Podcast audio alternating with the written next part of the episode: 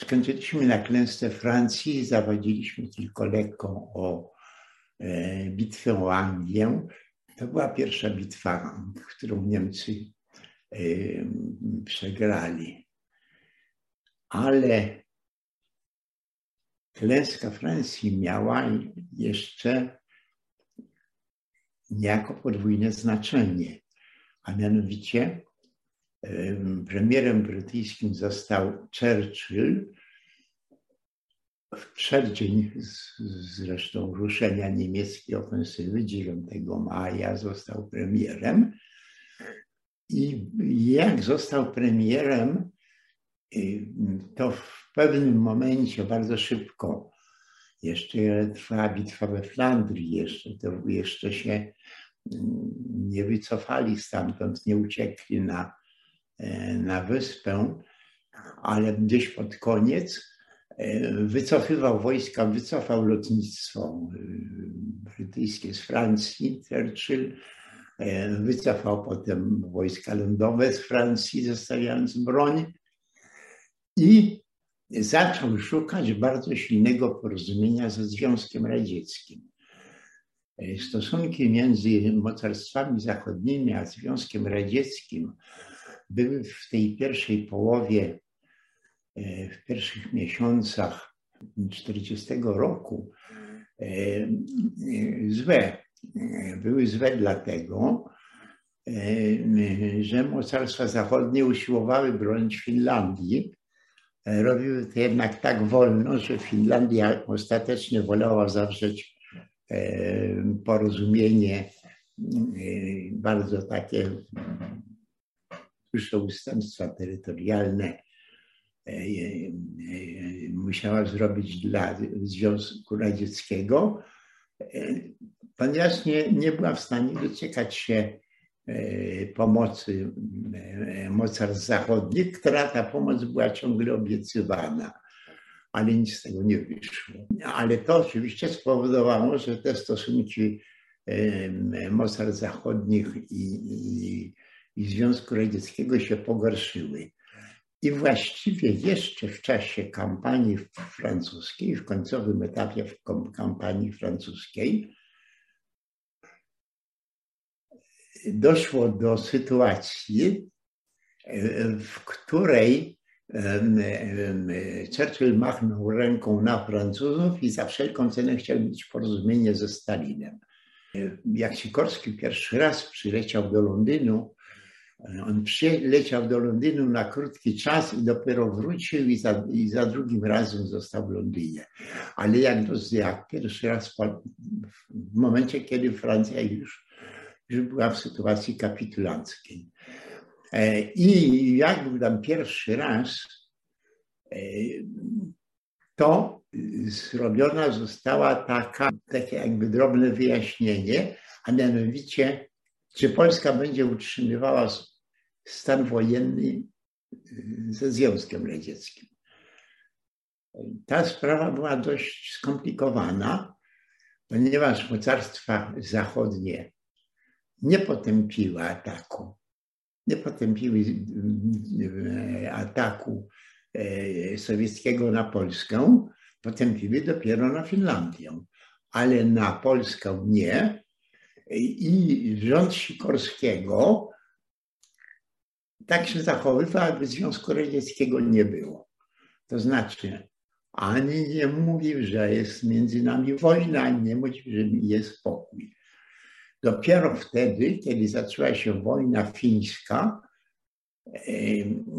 to zresztą na jakieś takie delikatne żądanie Francuzów, to Sikorski po raz pierwszy wtedy dopiero powiedział, że jesteśmy w stanie wojny ze Związkiem Radzieckim. Ale to było w tej sytuacji, kiedy mocarstwa zachodnie były bardzo ostro nastawione do, do Sowietów. Ponieważ Francja się rozpadała, to przy tej swojej pierwszej wizycie takie, takie pytanie nieoficjalne z boku dostał, czy on utrzymuje to, że w wojnie z Związkiem Radzieckim. Wrócił do, do Francji, potem znowu do, do Londynu. przygotował jakąś taką ogólnikową odpowiedź, ale dostał się w ręce agenta sowieckiego.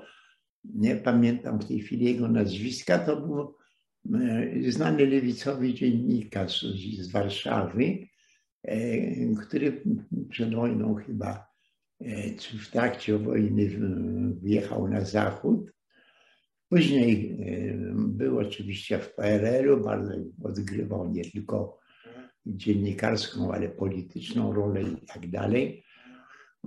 I, ale on wtedy był w Londynie i on, on e, mu powiedział, panie generale, jak pana spytają o ten Związek Radziecki, to nie może pan przecież powtórzyć. Może pan powiedzieć, że, że napadli i tak dalej, ale że pan nie uważa, że jest wojna ze Związkiem Radzieckim i gotów jest pan do porozumienia się z Rosjanami. Sikorski prawie, że to wszystko powiedział potem Churchillowi, tylko że wtedy i prezydent Raczkiewicz, i minister spraw zagranicznych, e, późniejszy przecież prezydent, doszło do niemalże zamachu stanu, do niemalże do obalenia do, do pierwszej takiej dużej, wielkiej draki e, między e, Raczkiewiczem a Sikorskim. Do drugiej doszło zresztą, kiedy on podpisał w 1941 roku porozumienie Sowietami i w tym porozumieniu nie było ani, ani słowa, że Rosjanie wycofują się z wojny z Polską i oddają nam zagarnięte ziemie. To był przecież nasz warunek porozumienia, mimo że mieliśmy już zupełnie inne pretensje. E, wprawdzie Katyn jeszcze nie był odkryty, ale masowe wywózki Polaków, które na jesieni, latem jeszcze do, do połowy 1941 roku, to tutaj koło miliona z ziem zagarniętych przez e, bolszewików, około miliona ludzi e, wywieziono z Polski e, do Rosji. Ostatnia wywózka już jest, trwała jeszcze wtedy, kiedy już Niemcy uderzyły na Związek Radziecki, stąd część osób się zdążyła uratować, E, bo, już, bo te pociągi już, które nawet ruszyły, żeby tych Polaków wywieźć, to, to maszyniści uciekli, eskorta uciekła, e, a uwięzieni e, odzyska, odzyskali, też się rozbiegli, uzyskali wolność. To już był taki końcowy efekt, ale pierwsza taka wywózka była jeszcze w 1939 roku, późną jesienią. I staje się milion osób. E, ogromna większość, większość z nich została wymordowana.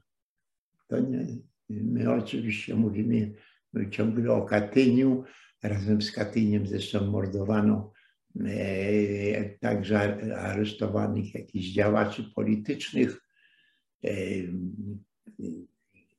kilkanaście tysięcy żołnierzy, ale ponad 20 tysięcy w tej całej operacji, ponad 20 e, tysięcy e, osób zginęło, ale na terenie Związku Radzieckiego róż, z różnych względów albo zamordowali, albo umarli e, z głodu, ze złego traktowania, wywożono ludzi z Polski na Syberię. Gdzieś tam na Syberii, w, jakimś kraju, w jakiejś części, e, e, pociąg zatrzymywał się w środku lasu. Wypędzano ludzi z wagonów i mówiono: Zróbcie sobie ziemi, ziemianki, bo, bo zima może być ostra, to kupcie, kupcie ziemianki. Ani jest żywności, ani nic ani, ani żadnej miejscowej ludności. Oczywiście, że ci ludzie, którzy tam wylądowali, których tam wysadzono, wyrzucono na, e, na, na, w istocie na głodową śmierć, to jakoś docierali do jakichś osad pobliskich, pobliskich, to znaczy 10, 20, 30 kilometrów i trzeba przyznać, że miejscowa ludność im pomagała. To, to władze komunistyczne tak się zachowywały. Miejscowa ludność nie, nas, nie cała, ale przynajmniej część miejscowej ludności im pomagała. Z tego miliona wywiezionych, przecież do dzisiaj jest jeszcze mocna kolonia polska w Kazachstanie, e, jest mocna kolonia polska w Irkucku, to oni już tam weż, związali się z tą ziemią, e, jakieś e, mieszane związki małżeńskie, miejscowy przybysz, jakieś takie, nie wiadomo co, co, co ich spotka, jak wrócą do Polski. Także ta polska kolonia, która się e, e, zresztą z każdym pokoleniem staje coraz mniej polska, e, to ona w tym Związku Radzieckim została. Ale były, ale była, była to wywózka około miliona osób. Dlatego ruch oporu w Polsce nie rozwinął się na terenach okupacji rosyjskiej. Tam się bardzo słabo rozwinął. Najsilniej się rozwinął, na, na się rozwinął w znacznej mierze dlatego, że przyszła tam pomoc e, Akolska z Warszawy. 27 dywizja, która tam była, to w połowie składała się z, z chłopaków z Warszawy. Natomiast na Litwie Polacy przetrwali i w Wileńszczyźnie, która ponad pół roku przecież, e, więcej nawet niż pół roku, blisko rok, no, ten okręg wileński był przecież w Litwie. E, Litwini nie kochali Polaków, ale, ale, ale zachowywali się względnie przyzwoicie. E, I tam ta mniejszość polska przetrwała. Natomiast ta mniejszość polska e, wreszcie ziem wschodnich została w znacznej mierze wywieziona przez Rosjan na, e, na Sybir. I taka, taka sytuacja, to nie to, że w Londynie czy, czy w Paryżu tego nie wiedzieli. Wiedzieli oczywiście. To nie znaczy, że Sikorski tego nie wiedział. Wiedział oczywiście.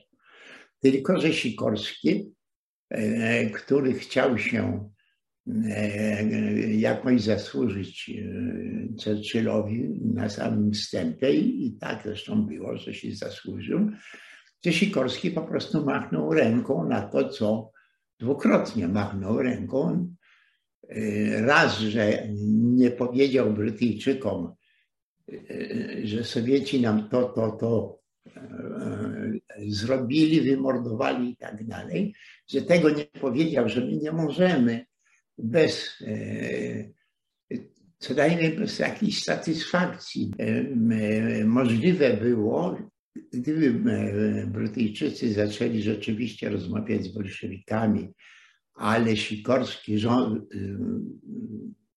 powiedział, że owszem, Polska, Holandia i Norwegia to są trzy kraje walczące z Niemcami, tylko że Polacy mają trochę wojska, e, Holendrzy mają trochę marynarzy handlowych, tak samo Norwegowie mają trochę. To znaczy, udział w tej wojnie Norwegów i Holendrów jest e, no, taki niezbrojny zupełnie. E, zbrojny jest udział Polaków, i, I to są trzy państwa, które e, w drugiej połowie 40 roku e, koalicja zachodnia miała. E, Stany Zjednoczone przecież nie chcą przystąpić do wojny z Niemcami. Sprzedają tylko nawet na kredyt, ale sprzedają broń Anglikom.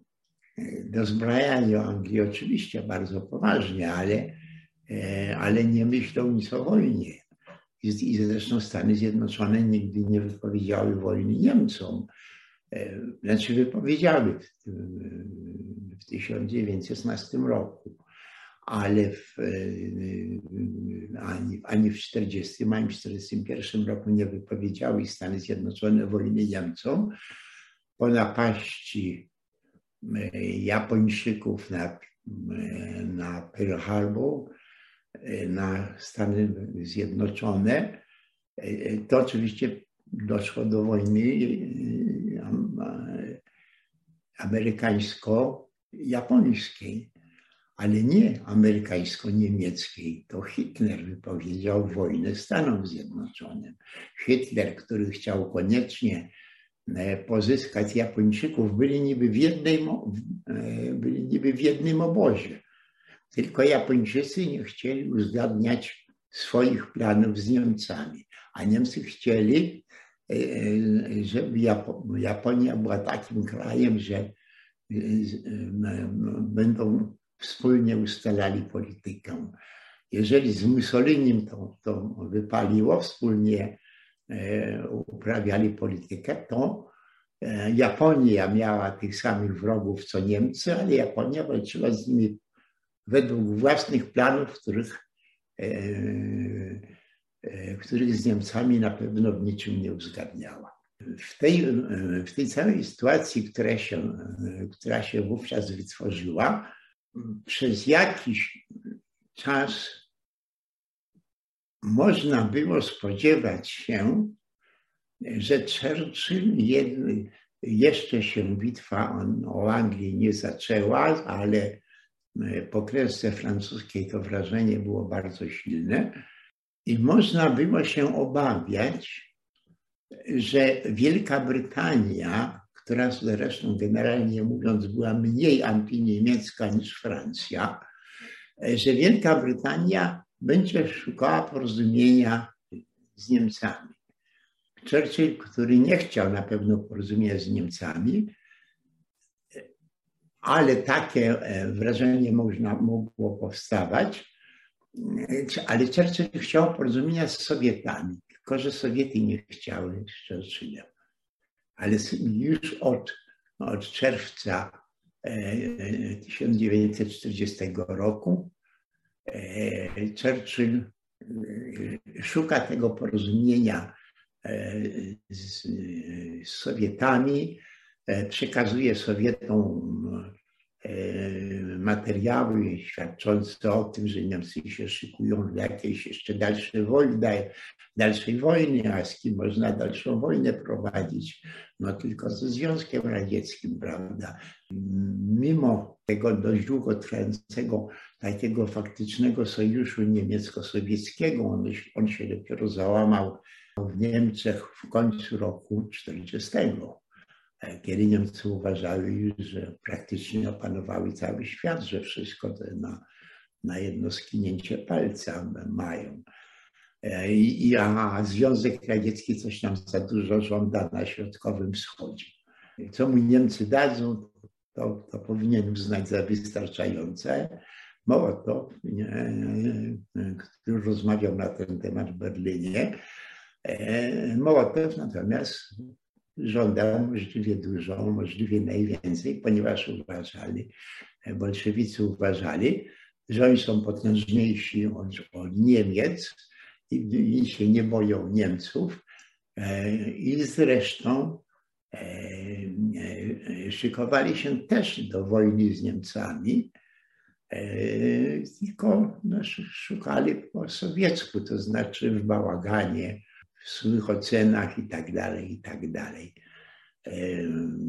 Prowadząc taką, z punktu widzenia nawet Związku Radzieckiego, taką niecałkiem poważną politykę.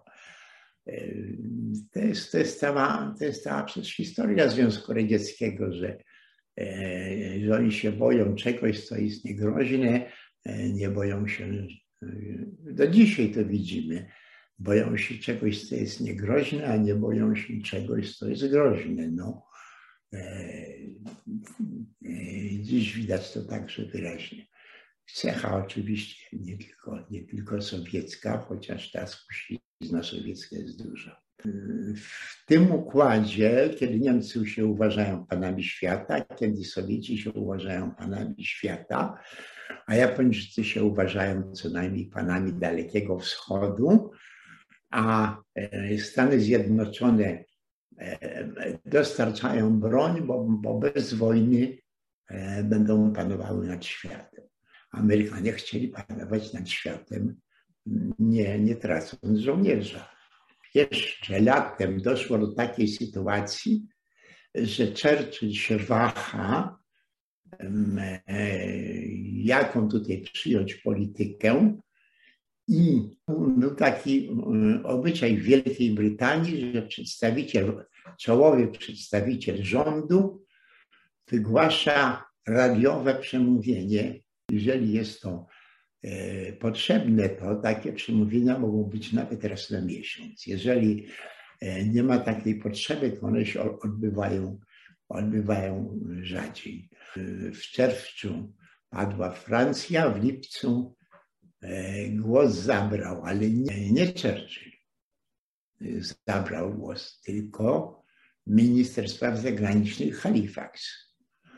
I Halifax powiedział wszystko, że Wielka Brytania się nigdy nie podda, że takie kraje jak Polska e, są nadal pod opieką Wielkiej Brytanii jak Polska, Belgia, Holandia, Norwegia i tak dalej, będziemy prowadzili wojnę do końca. Tego rodzaju przemówienie powiedział Halifaxon. No, e, jest w tej chwili mało znane, ale e, odrobina wysiłku i można to, to przemówienie przeczytać. Miesiąc później zabrał głos Churchill i powiedział mniej więcej to samo. W takim samym tonie, tak samo ostro i tak dalej. Tylko, że nie był pierwszy Churchill, pierwszy był Halifax. I on zresztą doprowadził do tego, Churchill doprowadził do tego, że w grudniu Halifax przestał już być ministrem spraw, sekretarzem stanu, czyli ministrem spraw zagranicznych i pojechał na ambasadę i został wysłany na ambasadora usunięty z Europy wysłany na ambasadora w Stanach Zjednoczonych. I w tych Stanach Zjednoczonych siedział zresztą jeszcze do końca wojny i jeszcze parę lat po końcu wojny jako ambasador e, brytyjski po powrocie do, do Wielkiej Brytanii całkowicie wycofał się Halifax z polityki. Zresztą Halifax uprawiał tą, e, tą politykę bardziej z obowiązku niż z chęci, Natomiast wielka rzecz, którą zrobił, to rozpoczął proces tworzenia niepodległych Indii. Z Indiami Brytyjczycy został w momencie, jak został lordem, przestał być e, w dwudziestych latach przestał być członkiem Izby Gmin i został, trafił do Izby Lordów to wtedy zaprzyjaźniony z królem, e, rodzina zaprzyjaźniona z królewską, e, został mianowany wicekrólem Indii i w końcu lat dwudziestych doprowadził do, e, te Indie się buntowały, ciągle były tam niepokoje i tak dalej, doprowadził do pacyfikacji, pokojowej pacyfikacji Indii bez użycia siły i do zawarcia takiego pokoju, który przewidywał etapowe odzyskiwanie niepodległości państwowej przez Indię, które miało trwać do początku e, tam roku 40 któregoś i która mniej więcej w tym czasie, e, w tym czasie Indie, ale to na zasadzie tej ustawy wicekróla Indii Halifaxa, E, na tej podstawie e, e, Indie odzyskały niepodległość. I była to pierwsza, pierwszy kraj po wojnie kolonialny, który odzyskał niepodległość. I później w tej, w tej samej dekadzie albo w następnej dekadzie E, właściwie wszystkie państwa kolonialne, czy prawie wszystkie państwa, wszystkie tereny kolonialne e, odzyskały albo uzyskały na świeżo, uzyskały swoją państwowość. Jest to proces, który rozpoczął Halifax, ale miał parę innych bardzo cennych inicjatyw. Do tych, do tych cennych inicjatyw Halifaxa należała, należała reakcja na zawarcie paktu o nieagresji Związku Radzieckiego z Niemcami tuż przed wybuchem wojny. I rano ogłoszono,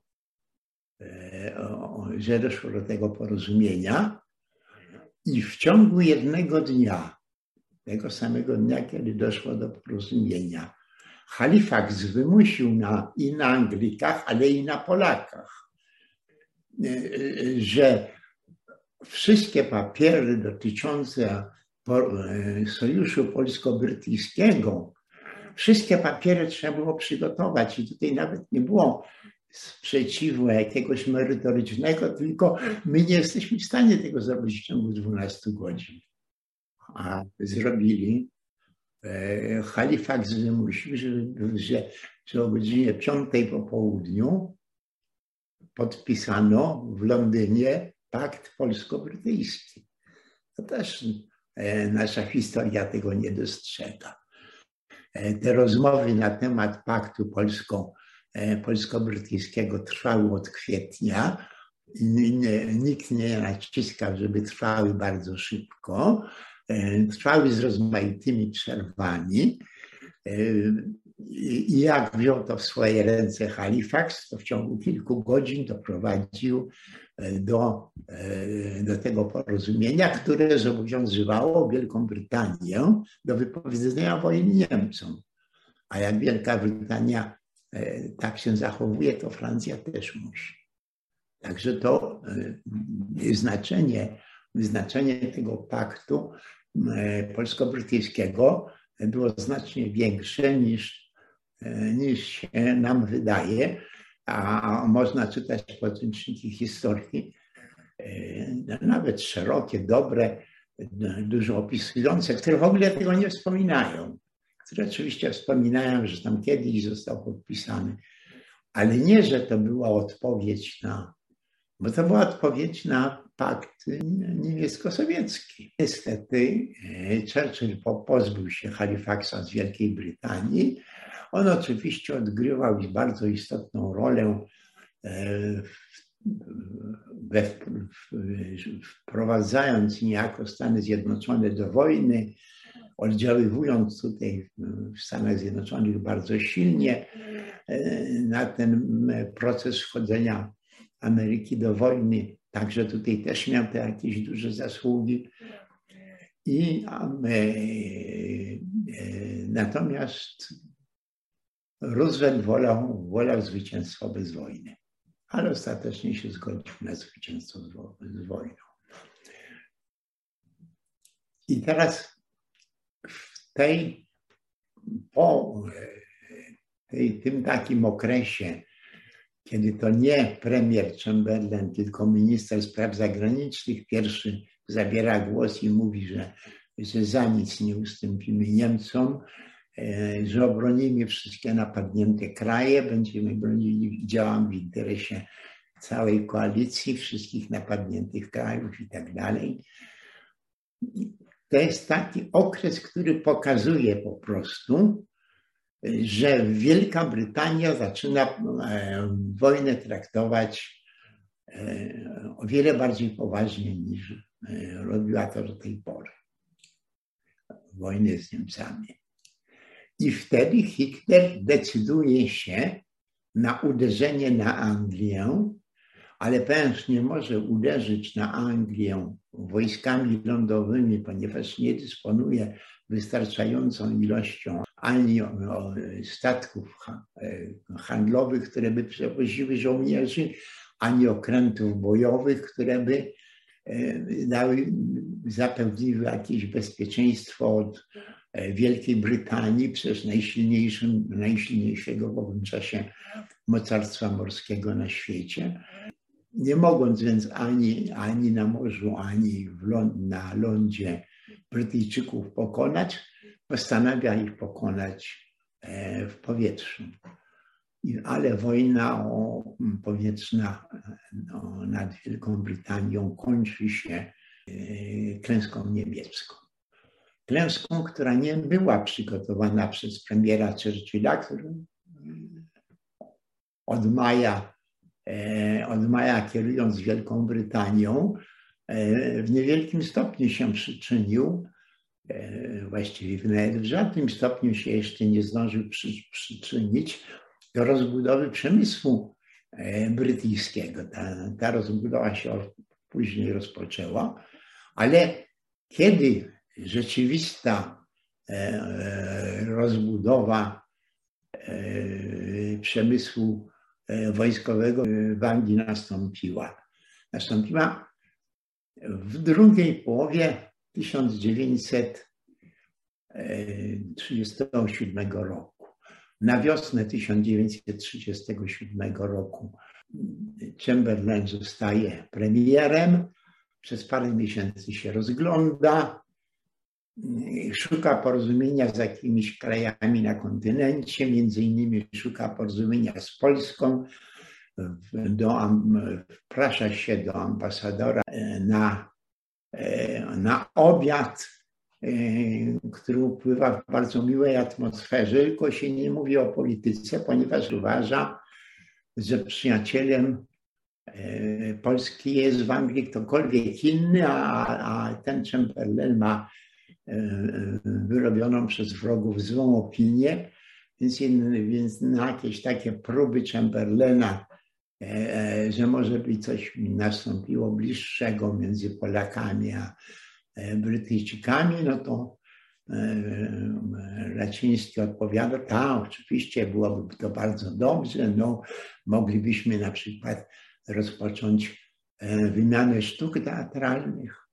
No, takie odpowiedzi. oczywiście to są odpowiedzi, że jak zajmiemy się sztukami teatralnymi, to przestaniemy zajmować się polityką. A, a szkoda, ponieważ ten sojusz, do którego doszło e, w 1939 roku, to ten sojusz mógł się pojawić już e, dwa lata wcześniej.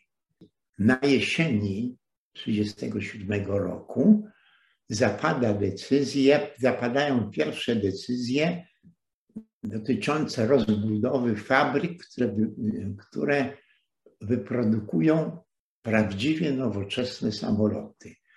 Te prawdziwie nowoczesne samoloty to Hurricane, to są w ogóle, to są bardzo nowoczesne, wszystko szyb, szybkie myśliwce, które mają nieruchome karabiny maszynowe w, w skrzydłach. I specjalista od spraw wojskowych, sam zresztą uzyskał e, dyplom pilota, e, Churchill pisze do niego list. Panie premierze, co pan wyrabia? Nieruchome karabiny maszynowe? To myśliwiec powinien mieć taki ruchomy karabin maszynowy i siedzi za nim e, żołnierz i na, nastawia na, e, na przeciwników e, i do nich strzela. Tak, tak było podczas I wojny światowej a podczas II wojny światowej oczywiście wszystkie myśliwce. E, ale Anglia była jednym z pierwszych krajów. I teraz Anglia zbudowała wielkie, wielkie RAF, RAF e, czyli lotnictwo e, brytyjskie, było, stało się czołową siłą na, na świecie w 1940 roku już i e, znacznie e, przedtem e, taką rolę spełniały Niemcy. Otóż wyprzedzano, wyprzedzano pozycję, tem, wyprzedzono tempo niemieckie. I, I bitwa o Anglię skończyła się bitwą, skończyła się klęską Niemiec, ale klęska Niemiec tylko dlatego, że Brytyjczykom przybywało samolotów, a, a, a, na, na jeden samolot strącony e, trzy, dwa, trzy od razu produkowano. Natomiast e, u Niemców straty, zwłaszcza w tych samolotach, które się pojawiły nad Wielką Brytanią, straty były bezpowrotne, bo samolot spadał na ziemię brytyjską, a ludność łapała, jeżeli się uratowali, piloci skacząc na spadochronach, to łapała ich ludność cywilna. Natomiast w Wielkiej Brytanii ten sam strącony samolot ginął też, ale załoga na ogół wychodziła żywa i już czekały trzy nowe samoloty. W związku z czym po jakimś czasie sytuacja stała się dla Niemców niemożliwa i Niemcy, Niemcy zresztą stosowali metodę podobną do obecnej rosyjskiej, to znaczy atakowali przede wszystkim ludność cywilną, zakładając, że, że ta ludność cywilna zażąda pokoju. Nie, nie mając floty, nie, mając, nie mogąc się dostać do Wielkiej Brytanii, Niemcy chciały po prostu uzyskać zwycięski pokój możliwie małym kątem i stąd ataki, żeby no, społeczeństwo brytyjskie zmusić do, zmusić do działania. Jak się Churchill w tym czasie zachowywał, sam pisze w swoich pamiętnikach. Zaproszono go do, do takiej centrali dowodzenia, gdzie siedział razem z żoną i obserwował wyniki walk e, powietrznych, obsługę, e, ściąganie nowych wojsk, ponieważ to dowódcy lotnictwa brytyjskiego, a nie premier prowadzili tą wojnę i premier brytyjski był tylko, był tylko obserwatorem i to bardzo na nim zrobiło duże wrażenie, sądząc, sądząc po jego pamiętnikach. A tylko, tylko, że te fabryki, które zaczęły produkować te samoloty, to zaczął wznosić Chamberlain w 1937 roku. To była, taka, to była taka różnica. W ciągu 1938 roku już zbudował w znacznej mierze przemysł, a dopiero od końca 1938 roku ten przemysł zaczął, był już wybudowany i zaczął, zaczął dawać e, samoloty i tych samolotów było coraz więcej. Stąd to zachowanie polityczne Wielkiej Brytanii w 1938 roku i w 1939 roku było zupełnie inne. Tylko, że w 1938 roku nie, e, Wielka Brytania nie posiadała ani lotnictwa, ani wojsk lądowych, a w 1939 roku miała już korpus ekspedycyjny lądowy, miała rozwinięcie prac nad resztą sił lądowych, miała bardzo silne lotnictwo, no i bardzo silną marynarkę wojenną. A w 1937 roku trzecia część okrętów była, trzecia część tych pancerników, ciężkich okrętów wojennych e, była po prostu w naprawie, w okresowych remontach i tak dalej, a w 1939 roku wszystkie były gotowe do walki. Tak, tak to wyglądało. I tak się e, skończył rok 40. E, i dochodzi do roku 41 i w roku 41 jest następ, powstaje następująca historia.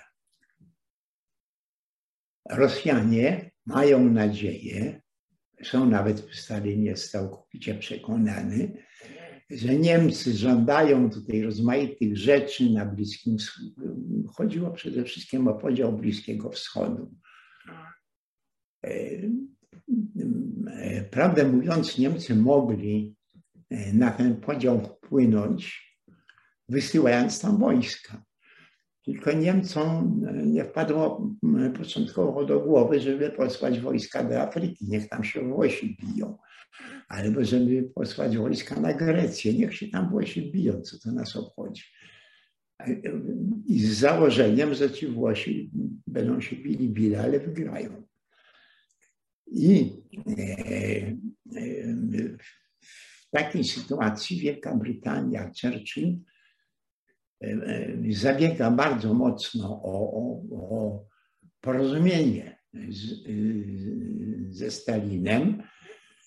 Wszystkie informacje wielkie wywiadowcze, jak się przesuwa rozlokowanie armii, E, armii niemieckiej, e, jak Niemcy szykują jakieś plany uderzenia na Związek Radziecki, e, co zresztą było prawdą.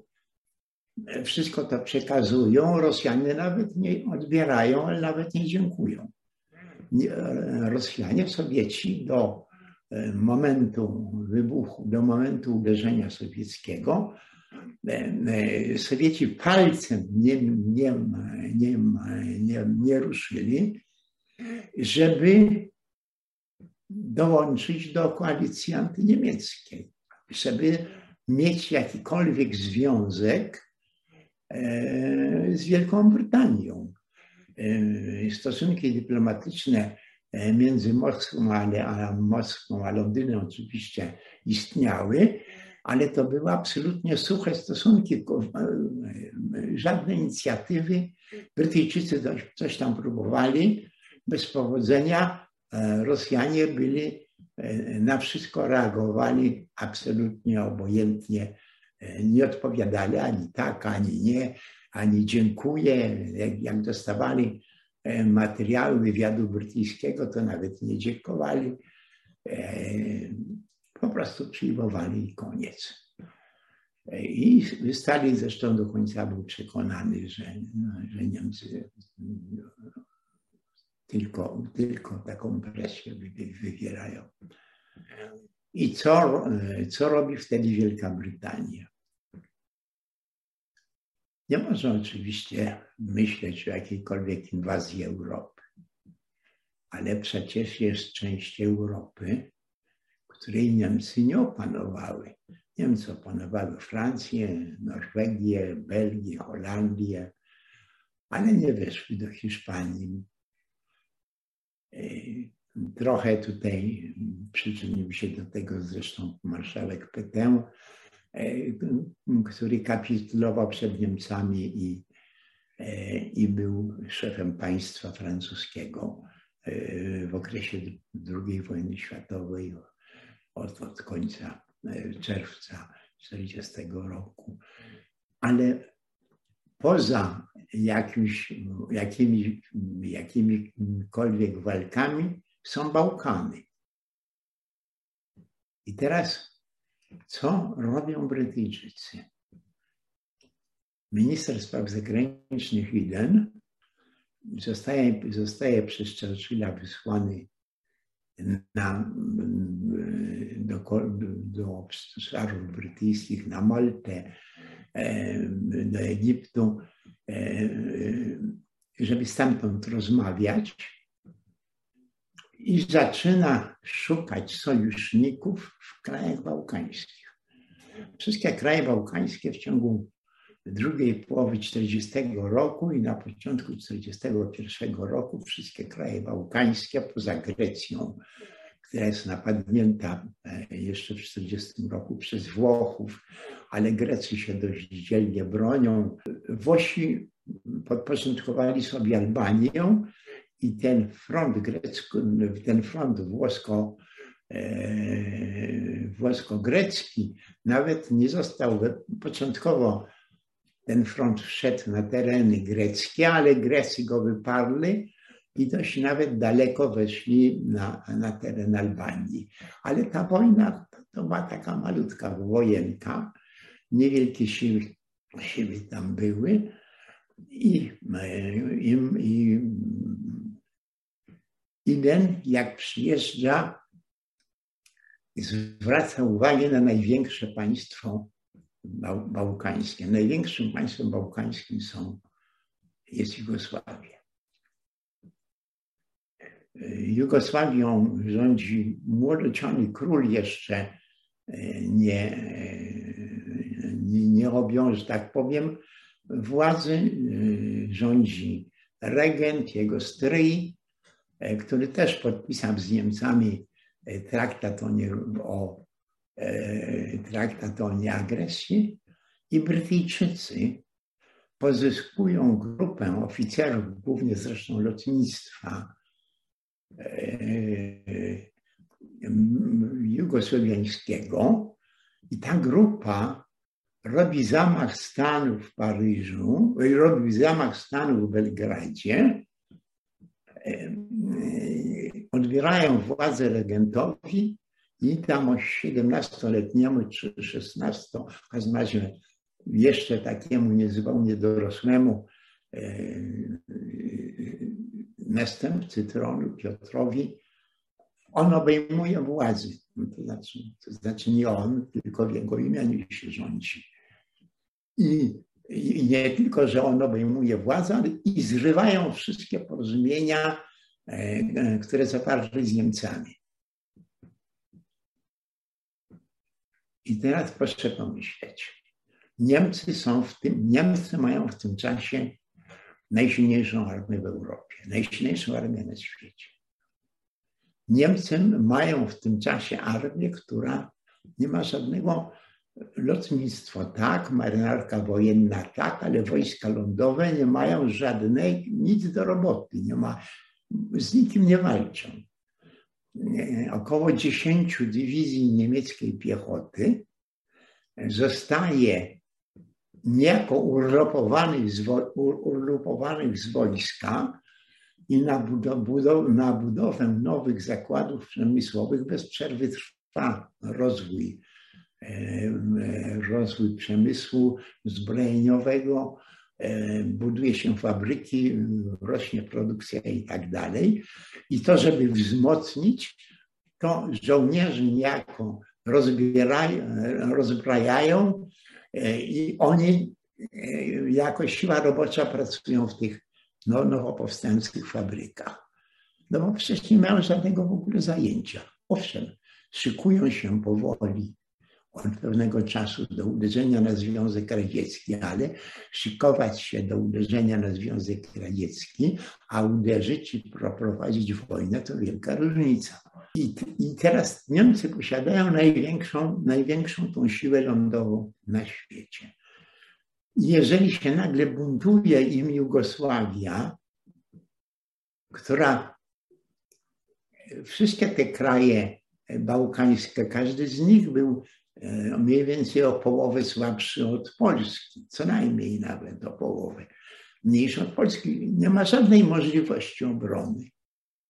To doprowadzają do zamachu stanu, doprowadzają do zaostrzenia, zerwania stosunków jugosłowiańsko-niemieckich, i, I, Niemcy, mając wolną, wolną zupełnie wojsko, mając to wojsko zupełnie wolne, część tego wojska, bo więcej nie trzeba, część tego wojska rzucają i ono po kolei, ono, e, Włosi się zresztą też tutaj dołączają, e, przechodzą na drugą stronę Adriatyku i w ciągu paru dni Jugosławia pada. Równocześnie Niemcy nie chcą, że tak powiem, nic zostawić nie swojego w Europie. To Niemcy nie tylko załatwiają Jugosławię,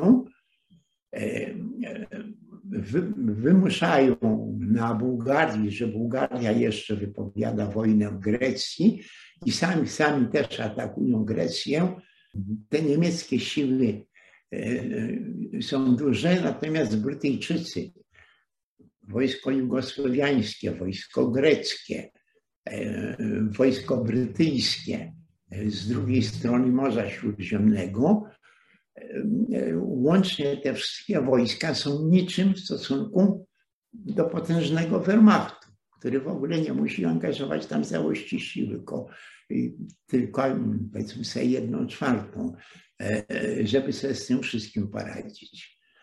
E, w jakiejś mierze Brytyjczycy są świadomi, że oni mają to wojsko małe i wszystkie, wszystkie oddziały, które były możliwe,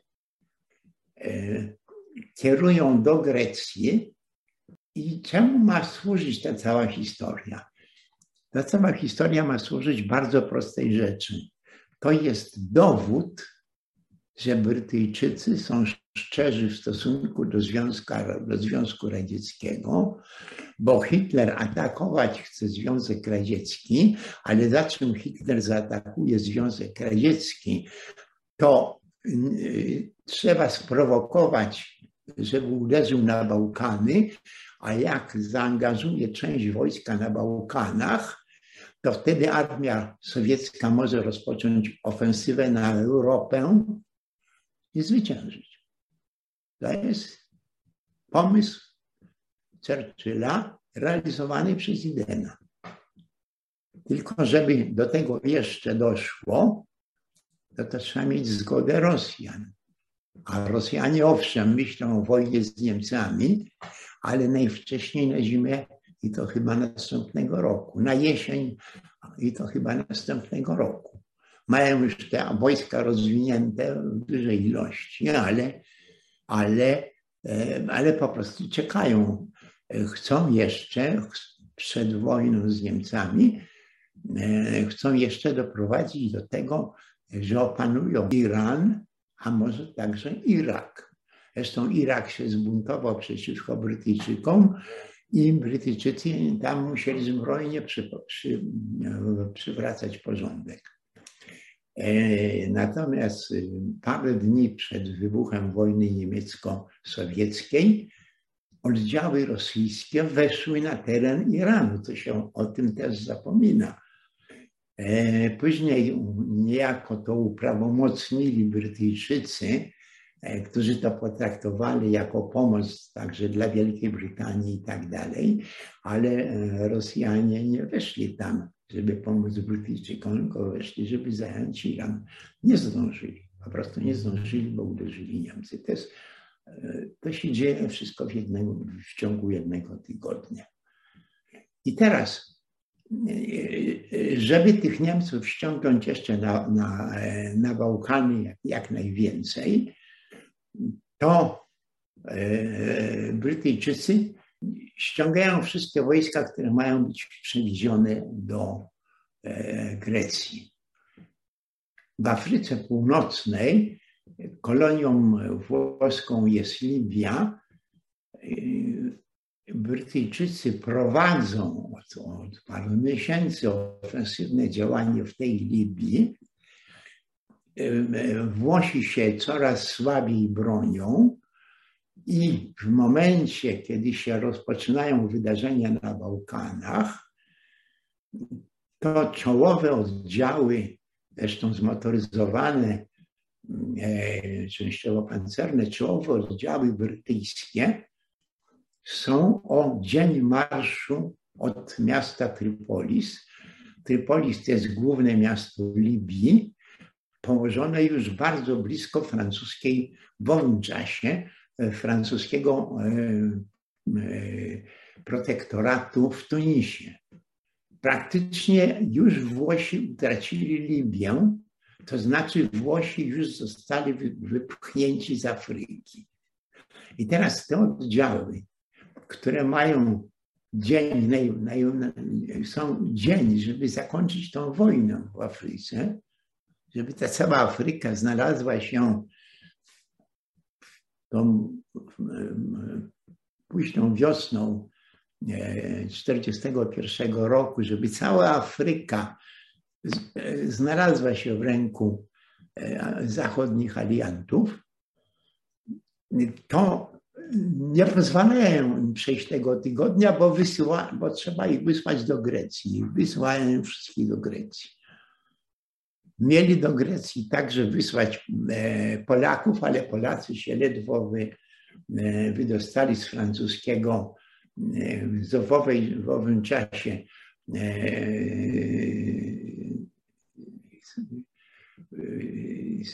z francuskich posiadłości Libanu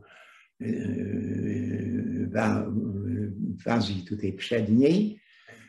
Także szczęśliwie Polacy uniknęli tego, że, że trafili na front do Grecji. Natomiast działania wojenne w Afryce zostały po prostu zatrzymane. A, a wojsko, które mogło je skończyć w ciągu paru dni, załadowano na okręty i wysłano do Grecji. I co się wtedy dzieje? Wtedy, wtedy dywizje niemieckie chodzą do Grecji i, i Anglicy, którzy dotarli do północnej Grecji, systematycznie się od nich wycofują. Niemcy podchodzą pod pozycję brytyjską, one nie podejmują walki, tylko się wycofują. E, wycofały się tak na Peloponez, a z Peloponezu zostawiając broń, sprzęt, e, a ratując tylko ludzi, to tych nieuzbrojonych ludzi zabierają, przewożą na Kretę. A potem na Krecie lądują Niemcy i te nie, niedozbrojone, bo trochę już ich zbroili, te niedozbrojone oddziały brytyjskie nie są w stanie Krety utrzymać. Mówiąc inaczej, to, co spowodował Iden, pobudzając niejako taką irredentę, jakiś taki, jakąś wrogość, prawda, czynną do Niemców, prowokując Niemców, żeby na te Niemcy napadły na Bałkany e, i, da, i dały szansę Związkowi Radzieckiemu, żeby Związek Radziecki napadł na, na, napadł na Niemcy, to po pierwsze Związek Radziecki tego nie wykorzystał i nawet nie miał tego w głowie. Wojska niemieckie zajęły to wszystko spokojnie. Wojska brytyjskie w poważnej mierze zostały uratowane, ale nie miały, ale, ale oddały, ale pozostawiły broń, aż, aż po Kretę, dokąd dotarli Niemcy, a na, do Trypolisu zaczęły, zaczęła, co trwało zresztą parę ładnych tygodni, zaczęto tam dostarczać początek tak zwanego Afrika Korps, czyli takiej lekkiej dywizji pancernej niemieckiej. Ta lekka dywizja pancerna niemiecka, potem jeszcze druga przyszła, toczyły dalej, utrzymały utrzymały całą historię dalej. I mamy tak, z krajów, które muszą być uległe w stosunku do Niemców, ale są niezależne, ale są niezależne, z krajów bałkańskich, wszystko Niemcy zajęli. W Afryce Włosi nie, to, nie, nie to, że się obronili, ale Włosi się doczekali pomocy niemieckiej.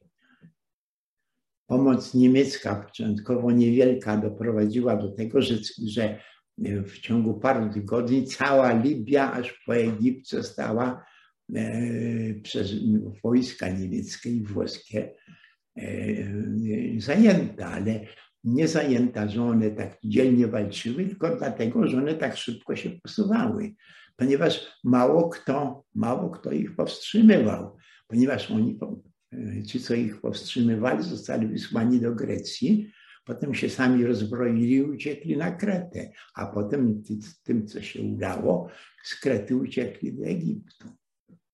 To jest efekt polityki brytyjskiej, polityki Churchilla e, w 1941 e, roku, polityki Churchilla, który gotowy był wszystko ofiarować, byle tylko Rosjanie napadli na Niemcy.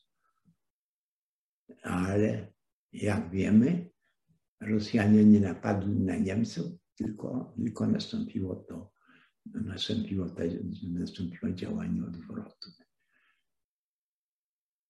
A w Afryce, kiedy a całą, można było tą całą sprawę w Afryce rozstrzygnąć do wiosny 1941 roku, to jeszcze um, wojska osi w Afryce broniły się jeszcze dwa lata, do, 43, do, do połowy 1943 roku. To była tak, taka taki rezultat prowadzenia, kierowania wojną z Niemcami przez e, rząd Churchilla. E, który po prostu przyczynił, przyczynił, się, przyczynił się do wielkiej klęski. Do wielkiej klęski, ale, ale przecież nie, nie niemieckiej. Jest, jest to przede wszystkim traktowane przez historiografię w ten sposób. No tak, doszło do wojny na Bałkanach. Niemcy te Bałkany zajęli, bo byli silniejsi. Ale dlaczego Niemcy zajęli Bałkany? To już historiografia się tym wszystkim nie interesuje. Afrykę można było w całości mieć dwa lata wcześniej. I no, tak wypadło, że, że dużo ludzi zginęło, dużo ludzi zginęło. Przez dwa lata trzeba było walczyć. Brytyjczycy sami ponieśli tutaj e, w istocie największe straty w tych, w tych walkach w północnej Afryce. No tak to, tak to po prostu wypadło. Właściwie jest tylko e, jedna książka brytyjska e, dotycząca tej, tej wojny. Ona omawia pierwszy okres wojny e, przed rozpoczęciem, wejściem do wojny Związku Radzieckiego. I to jest jedyna książka, gdzie autor pisze, że będąc jeden dzień od Trypolisu, oddziały brytyjskie zawróciły, załadowały się na statki i popłynęły do Grecji. I że w ten sposób stracono możliwość zakończenia działań wojennych w Afryce. Jeżeli by je na kilka dni jeszcze pozostawili, to po prostu koniec działań wojennych w Afryce. Niemcy i, Włosi, ściślej mówiąc, Włosi mieli nawet dość silną flotę, ale nie, niewystarczająco silną, żeby na terenie ich kolonii Libii lądowały tam jakieś włoskie wojska, które zresztą przedtem w skórę dostały. I to na tym e, może dzisiaj skończymy.